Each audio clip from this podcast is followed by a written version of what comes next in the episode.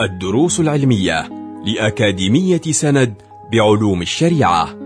المرحلة الأولى شرح ميسر لمجموعة من المتون المختصرة تفيد المتلقي في دنياه وآخرته. مقرر الإحسان والتزكية شرح منظومة رياضة الصبيان مع الشيخ عمر زعازع. الحمد لله رب العالمين الذي خلق الموت والحياة ليبلوكم أيكم أحسن عملا وهو العزيز الغفور. والصلاة والسلام على سيدنا محمد بدر البدور صاحب السعي المشكور والعمل المبرور وعلى آله وصحبه ومن تبعهم بإحسان من يومنا هذا إلى يوم الوقوف بين يدي الملك الغفور سبحانه وتعالى. مواصلة لإرشادات وتوجيهات الناظم الإمام الرملي رحمه الله في منظومة الصبيان وصل بنا إلى تذكر حقيقة عظيمة أكيدة حتمية ضرورة لا بد من وقوعها وهو الانتقال من هذه الحياة الدنيا إلى الآخرة بالموت. نسأل الله أن يطيل أعمارنا في طاعته ورضاه. بعد أن مر بنا على مهمات على المربين والمتعلمين مع الأبناء والناشئة في مرحلة مرحلة مهمة من مراحل العمر وهي البلوغ. وقد جرت عادة الأخيار أنهم إذا وصل ولدوا إلى مرحلة البلوغ بلغ الصبي أو الصبية. جمع الأب أبناءه وأهل بيته وربما دعا بعض من أقاربه ومعارفه. وربما طلب حضور بعض الصالحين والعلماء في ذلك المجلس وذلك الاجتماع. والمقصود من ذاك الاجتماع هو أن يعرف الأب أهل بيته وأقاربه أن يعرفهم بما من الله عليه من وجود ذلك الابن وما من الله به عليه من القيام بتربيته وتعليمه. فيحصل اجتماع من ألطف الاجتماعات ومجلس من أشرف المجالس على مأدبة على مائدة من الموائد. بعدها يجتمعون جميعا فيجلس الابن أمام أبيه بحضور الأسرة والأقارب وبعض العلماء. فيتكلم الأب يحمد الله ويثني على الله تبارك وتعالى أنه قد أكرمه الله بهذا الإبن ويسر الله له تربيته وتعليمه وتهذيبه والذهاب به إلى مجالس العلم وإلى وإلى أهل العلم والعناية بتعليمه وإدخاله من كتاب إلى آخر ومن مدرسة إلى أخرى حتى يتقن الواجبات و يتحقق بها ويجتنب المخالفات ويبتعد عنها فيحمد الله ذلك الأب ويقول قد وفقني الله لما وفقني تجاه ابني في تربيته وتعليمه. وأنا الآن في هذا المجلس يقول الأب أشهد الله تعالى أنني قد قمت بما لزم علي وما وجب علي تجاه ابني هذا. وأسأل الله سبحانه وتعالى أن يحفظ هذه التربية في ابني وينشأ ويتربى عليها ويحيا عليها حتى يلقى الله على ذلك. وأن يسلمني ربي سبحانه وتعالى من الحساب والعتاب في إن قصرت مع أولادي ومع أسرتي. ويقول للابن ماذا تقول يا ولدي؟ فيبدأ الكلام عند الابن فيرد على أبيه فيقول جزاك الله عني خيرا يا أبي. قد علمتني وربيتني وهذبتني ولم تقصر معي. فلن انسى لك هذا الجميل ولا هذا المعروف ولا هذه الرعاية ولا هذه العناية. وسأحفظ لك العهد الذي بيني وبينك والود الذي بيني وبينك والتربية التي ربيتني بها. وأعيش عليها وأحيا عليها حتى القى الله تبارك وتعالى. فجزاك الله عني من أب رحيم وأب كريم. ويقول الابن يوالي الكلمات التي في في في, في هذا المعنى وفي بها في هذا المضمار وفي هذا الاتجاه. فتعتري الجلسة ويعتري المجلس خشية وسكينة وهيبة وتذرف الدموع.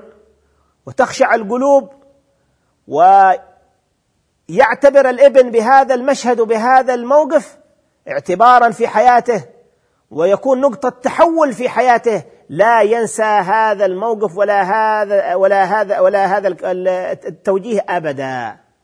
كانت تلك عادة من عادات الصالحين في في القديم. فالله إن شاء الله يحيي مثل هذه العادات الطيبة في حياة المسلمين وفي حياة الآباء والأمهات والمعلمين والمربين أجمعين. حتى يعيش الابن مستعدا قوي الاستعداد للقيام بالتكليف بالواجبات حسن الاستعداد للقاء وكذلك وللوفود على ربه سبحانه وتعالى. حين يلقاه وهو راض عنه تبارك وتعالى. فلا تأتي لهذا المتربي والمتعلم ساعة الانتقال من هذه الحياة إلا وقد أخذ الزاد العظيم الزاد الكبير والحظ العظيم من هذه التربية النبوية وهذه التربية الإسلامية. حتى إذا جاءه وقت اللقاء والتحول يعتبر ويأخذ العبرة من هذه الحياة. يقول الناظم والموت أقرب كل شيء ينتظر والموت أقرب كل شيء ينتظر وهذه الدنيا لنا دار ممر والآخرة دار مقر باقي والآدمي لفعله ملاقي فينبغي التكثير للطاعات تزودا في مدة الحياة.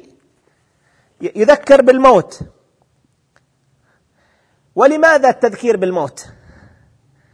هل التذكير بالموت لأجل نخاف ونعيش منكمشين خائفين آه، متوقفين عن عن العمل وعن السعي وعن طلب المعاش وعن القيام بأنواع العمارة التي أمرنا بها في هذه الأرض؟ لماذا التذكير بالموت؟ أللخوف منه أم للخنوع وللكسل ولترك العمل؟ لا. التذكير بالموت للاستعداد له ولتنوير الفكر بمعرفة المقاصد الصالحة من هذه الحياة. قد يقول قائل أمر الانتقال من هذه الدنيا إلى الآخرة أمر معلوم محتوم. فلماذا تتكلم في هذا الموضوع؟ هذه من المعلومات البديهية والمعروفة. الموت أقرب غايب ينتظر والدنيا دار ممر. ولكن نقول له الجواب كيف عاش العارفون والصادقون في استعدادهم لهذا اللقاء ولهذا الانتقال؟ كيف عاش العارفون مع هذه المعلومات؟ هل عاشوا بها بمجرد آه، ترديد ألفاظ؟ هل عاشوا معها بمجرد سماع آذان؟ بعيد عن تذوق الوجدان وتطهير الجنان بتلك المعلومات الغيبية. كيف عاشوا؟ قالوا عاشوا معها بأحوالهم وأذواقهم ووجدانهم ومشاعرهم.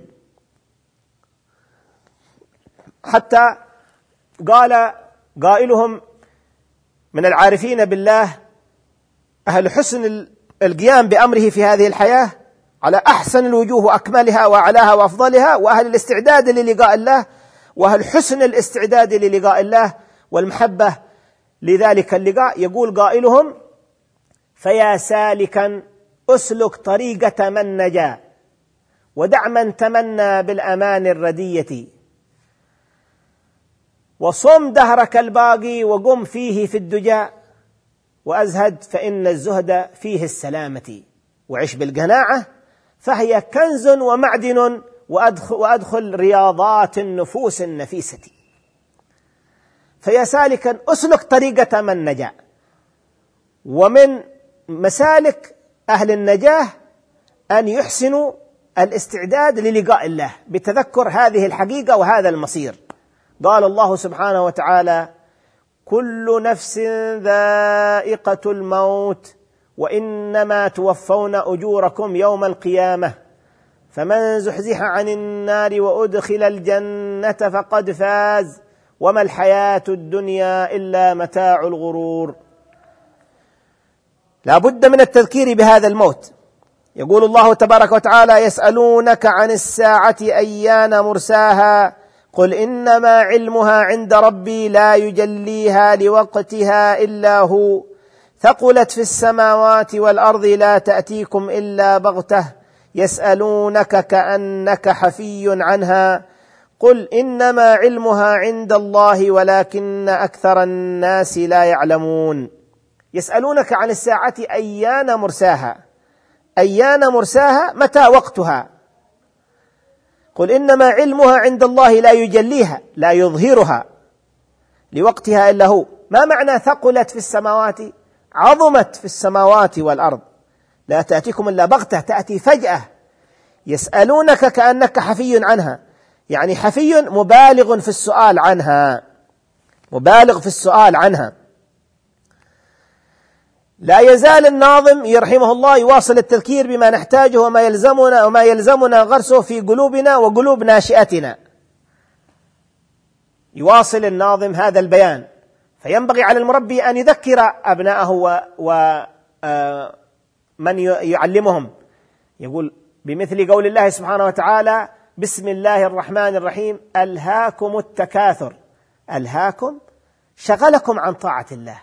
حتى زرتم المقابر بأن متم ودفنتم فيها أو ذهبتم لزيارتها. ذهبتم لزيارتها. حتى زرتم المقابر. كلا سوف تعلمون ثم كلا سوف تعلمون كلا لو تعلمون علم اليقين لترون الجحيم ثم لترونها عين اليقين ثم لتسألن يومئذ عن النعيم. يقول النبي صلى الله عليه وسلم الموت أقرب آه، أو أقرب غائب ينتظر. أقرب غائب ينتظر. هذا الموت لا بد من الاستعداد له. والموت أقرب كل شيء كل شيء ينتظر وهذه الدنيا لنا دار ممر. والآخرة دار مقر باقي والآدمي لفعله ملاقي. فما المطلوب؟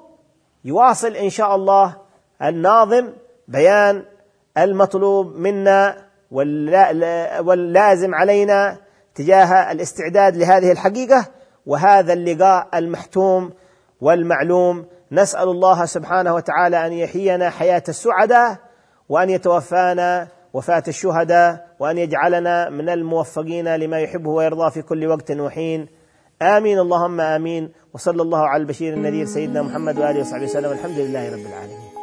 كنتم مع الدروس العلمية لأكاديمية سند بعلوم الشريعة. يمكنكم متابعة جميع الدروس عبر موقع الأكاديمية وتطبيقاتها الإلكترونية. سند علم سلوك دعوة